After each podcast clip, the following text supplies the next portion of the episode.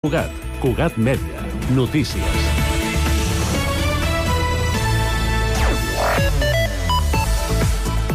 Bon dia. El planter ha estat el gran protagonista de la 23a edició dels Premis Esport en Marxa organitzats per Cugat Mèdia, que s'ha celebrat aquest dimarts al Teatre Auditori. La majoria de guardons han exhibit el gran treball que fan els clubs i les escoles perquè aquests equips o esportistes assoleixin èxits esportius d'alt nivell. La directora de Cugat Mèdia, Cristina Mur, ha posat en valor la feina del conjunt de nominats i guanyadors. Els nominats. Amb premi o sense, aquest reconeixement, aquesta nominació és també un reconeixement. L'any passat vam recuperar els Premis Esport en Marxa després d'una aturada per causa de la Covid i vam decidir emmarcar-los en una temàtica concreta. La gala respon a un doble objectiu reconèixer la bona feina del teixit esportiu de la ciutat i posar en valor l'esport inclusiu i adaptat de casa nostra, que és el leitmotiv d'enguany. Precisament, l'acte central d'aquesta gala ha sigut una taula rodona protagonitzada per quatre esportistes amb diversitat funcional que han arribat a l'elit de l'esport, com Isidre Esteve, Carla Casals, Dani Nafria o Núria Marquès, on han explicat la seva experiència i han posat el seu testimoni com a inspiració per a altres persones amb alguna discapacitat que dubti si començar a fer esport o no. Al final de l'acte, el conseller de Drets Socials, Carles Campuzano, ha proposat que Sant Cugat es converteixi en la capital de l'esport inclusiu i adaptat.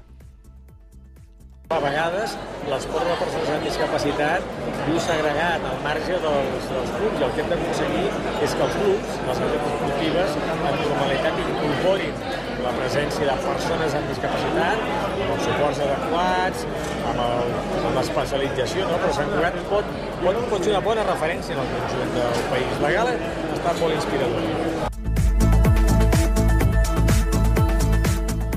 L'acord pressupostari entre el govern d'Esquerra Republicana i el PSC inclou el compromís de redactar el pla funcional de l'Hospital de Dia que s'ubicarà a Rubí i que donarà servei també a Sant Cugat i Castellbisbal. Aquesta és una petició feta des de la Federació Vallès Oest dels, dels Socialistes.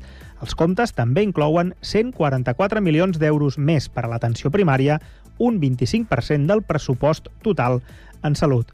Socialistes i executiu han fet públic aquest dimarts al matí el pacte per als comptes, que també inclou partides concretes per fer front a la sequera, com 120 milions més per a ajuts per als ajuntaments. La informació torna a Ràdio Sant Cugat a tots els butlletins horaris i a totes hores a la web www.cugat.cat. Cugat Mèdia, la informació de referència a Sant Cugat.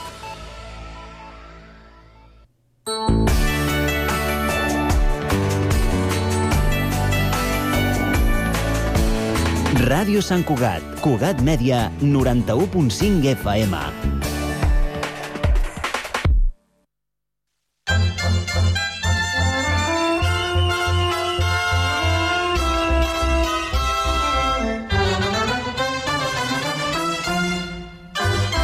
Nostra dansa, amb les millors sardanes i músiques per a copla. Programa editat i presentat per Miquel Batet, amb la col·laboració de l'entitat sardanista de Sant Cugat.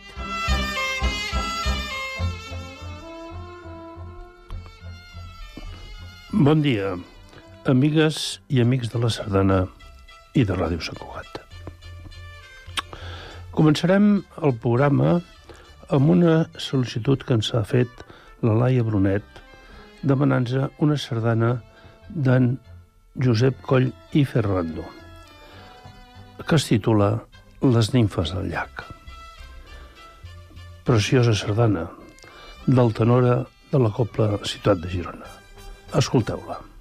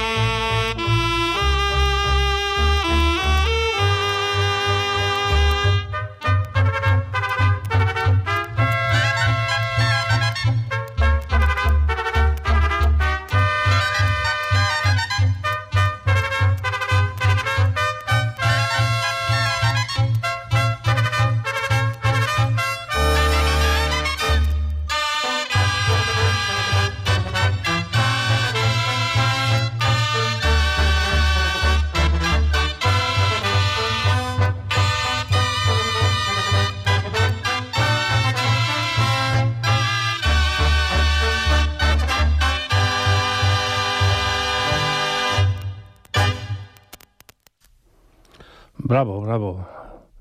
Amb Josep Coll ens ha deleitat amb aquesta sardana. Tant que avui farem el programa dedicat eh, exclusivament amb ell. O sigui, més endavant, quan posem les sardanes, totes seran d'en Josep Coll i Ferrando. Bé, uh, la meva... No, no, els meus companys de l'Acadèmia Álvarez, de, des de Barcelona, recordant les ballades dels diumenges de la tarda a la plaça Sant Jaume, voldrien escoltar Sota el Mas Ventós, d'en Jaume Bonaterra. Amics i companys, el promès és el deure. Per tots vos, vosaltres i per nosaltres, sota el Mas Ventós.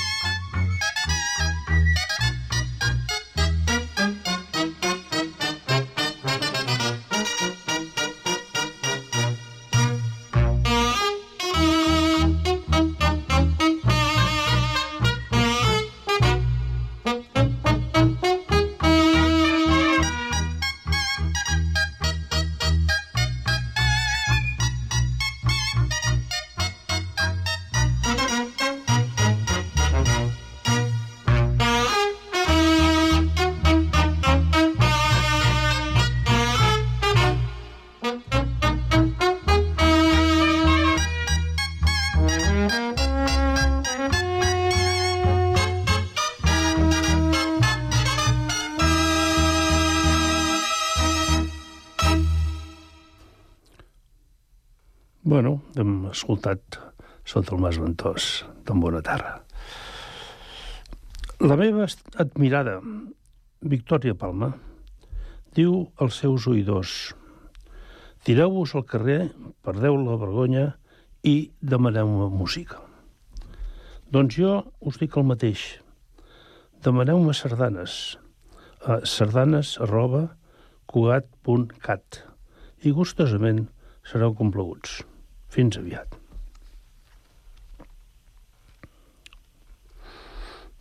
Avui voldria fer una observació sobre el passat concert del diumenge després d'escoltar els comentaris d'alguns companys sardanistes a la sortida del concert.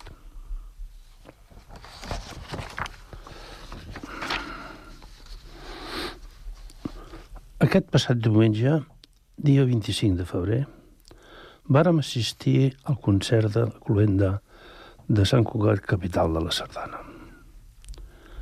La iniciativa de l'organització va ser que aquest concert fos interpretat en tota la seva integritat per alumnes juvenils de les escoles musicals de Sant Cugat i de Palafrugell. Així, doncs, a l'escenari de l'auditori hi havia una copla de sardanes, una big band i una orquestra i dos pianistes. Ho remarco, tots ells estudiants de música juvenils. La ballada va ser un èxit, on vàrem escoltar dues sardanes tocades per la copla i després peces musicals sobre variacions o adaptacions orquestades de sardanes interpretades per la Big Bang, l'orquestra, el piano i la copla, tots conjuntament. Sens dubte, la iniciativa de fer un concert amb alumnes musicals juvenils va ser una bona idea i un èxit, però no tocava. Què és el que no tocava? Doncs perquè aquest concert, interpretat per alumnes juvenils, podria haver-se celebrat en qualsevol data important durant els 12 mesos de la capitalitat de la Sardana, no en el concert de Cluenta. Què tocava? Doncs us ho diré. Tocava omplir l'escenari amb les millors coples del país, com la principal de la Bisbal, la Sant Jordi i els Mongrins. I que haguessin interpretat música, música i sardanes dels grans mestres Tolà, Joaquim Serra, Garreta, Puigferrer, etc.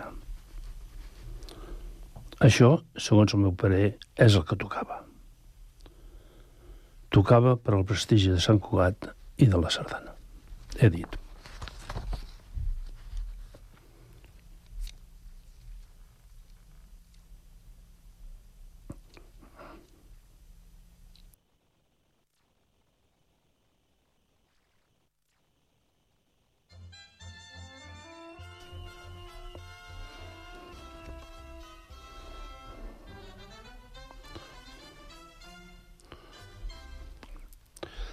Avui posarem sardanes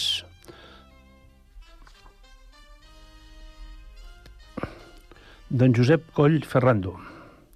Va néixer a Fuixà l'any 1976. És instrumentista de tenora i clarinet, amb una família envoltada de música. És instrumentista de tiple i clarinet. Cursa els estudis musicals a Maria dels Àngels a l'Avert estudis de composició en Xavier Burilart, estudis de tenor en Joan Dispert i de clarinet en Lluís Toret i de Besa. Guanyador d'una beca de la Fundació Josep Maria Bernat. Ha format part de les coples Escola Conrad Saló de la Bisbal, Unió de Cassà, Foment de la Sardana, Flama de Farners i actualment, des de l'any 2001, és el tenor solista de la Copla Ciutat de Girona. És un autor, ja ho veurem ara, de diverses sardanes, moltes d'elles premiades.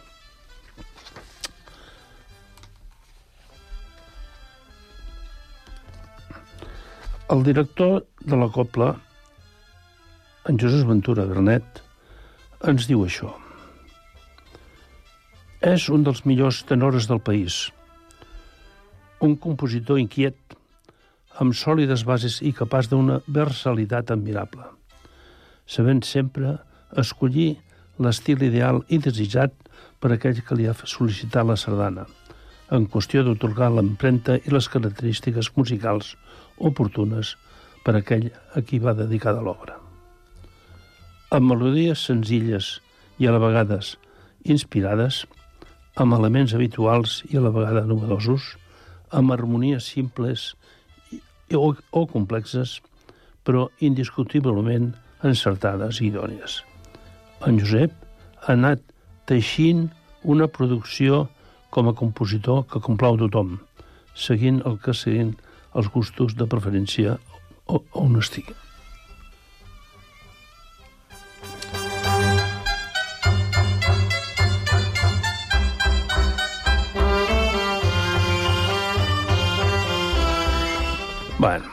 O sigui, començarem eh, amb les sardanes de Josep Coll. La primera es titula A l'amic Jaume, sardana dedicada al seu bon amic feixonenc Josep Torrent. És una sardana engrescadora que representa el, car el, el caràcter d'en Jaume i, i del seu restaurant, perquè és l'amo del restaurant. La sardana va ser estrenada el dia 3 de febrer del 2013 a Fuixà.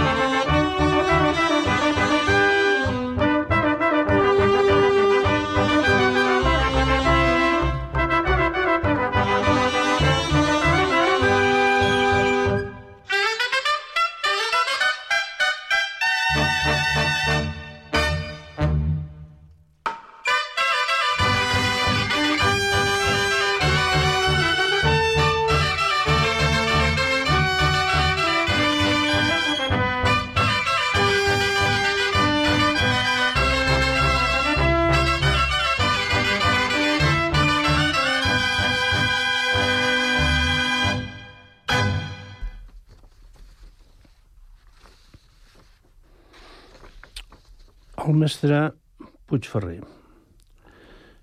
Sardana guanyadora de la vintena edició de la Sardana l'any 2008 i Premi de Federació que es va celebrar a l'Auditori de Girona el dia 9 de maig del 2009. La sardana es va estrenar a la competència de cobles de la festa de Sant Martí de Banyoles el dia 19 d'octubre del 2008 i per votació popular va guanyar la ronda de la sardana d'estrena. La composició està dedicada al mestre Manuel Serra i Puigferrer amb motiu del centenari del seu naixement. La peça musical contrasta motius melòdics de caràcter més íntim i de caràcter més festiu per evocar la figura del mestre Puigferrer fins al context de la festa de Sant Martirià.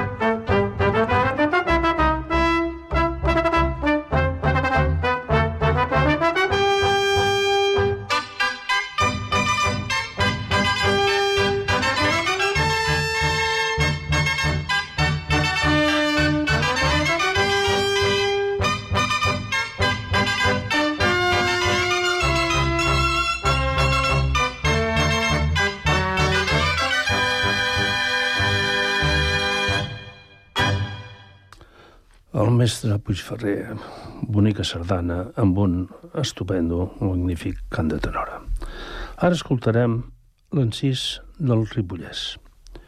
Sardana guanyadora de la 22 edició de la Sardana de l'any del 2010, que es va celebrar a Granollers el dia 28 de maig del 2011. La música reflecteix tots els bonics indrets i paratges que formen la comarca del Ripollès. Aquesta sardana es composa a motiu de la 19a trobada sardanista del Ripollès i es va estrenar a la Plec de Ripoll el dia 18 de juliol del 2007. Endavant. Mm.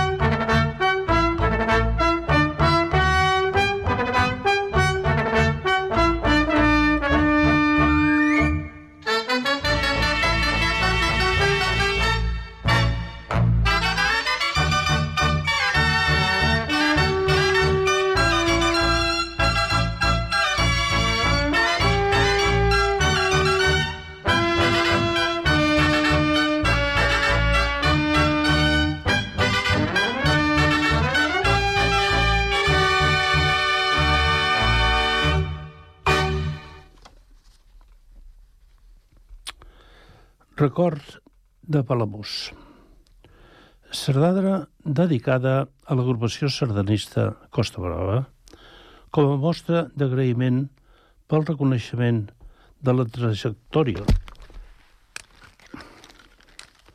de la trajectòria de l'autor com a instrumentista i compositor. Es va celebrar el dia 24 de juliol del 2005 durant el, el 37è aplec de la sardana de Palamós. La sardana va ser estrenada el 16 d'abril del 2006. Endavant, records de Palamós.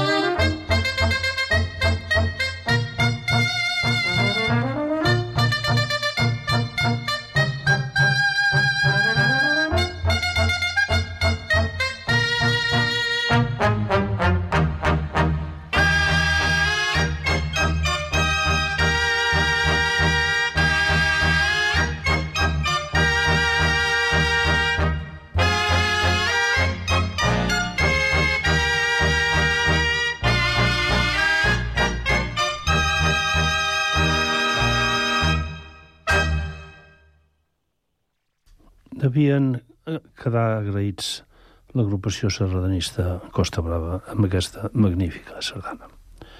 Ara escoltarem el monestir de Mer. Aquesta sardana fou finalista al segon concurs de composició de sardanes Vila de Mer, Memorial Pere Fontàs.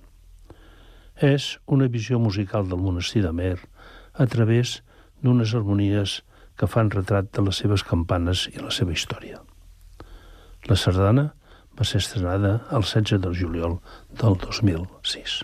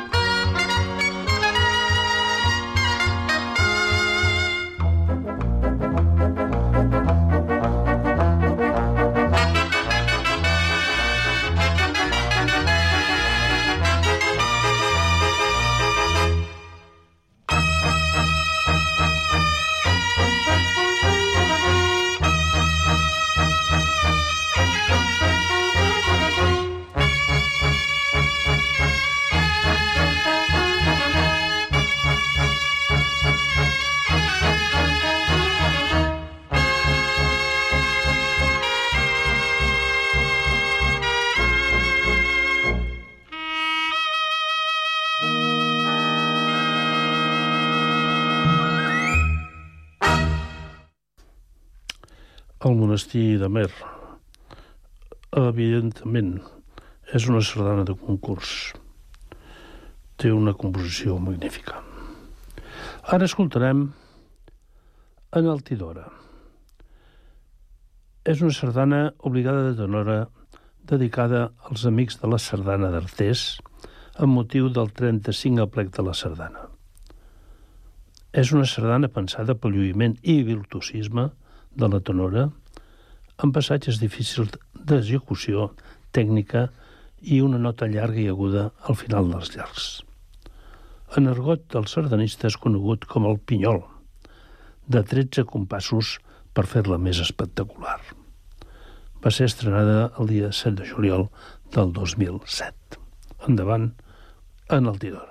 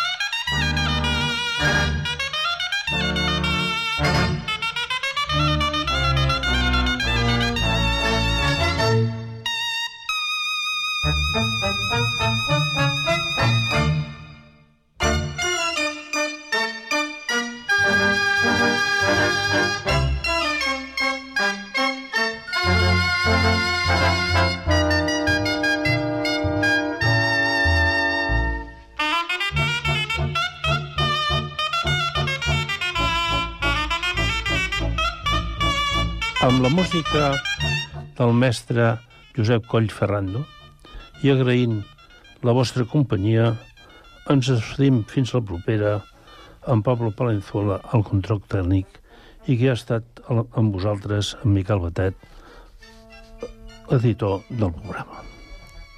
Fins aviat. I sobretot, sobretot, sigueu feliços, escolteu i balleu sardanes i visca Catalunya i visca la sardana.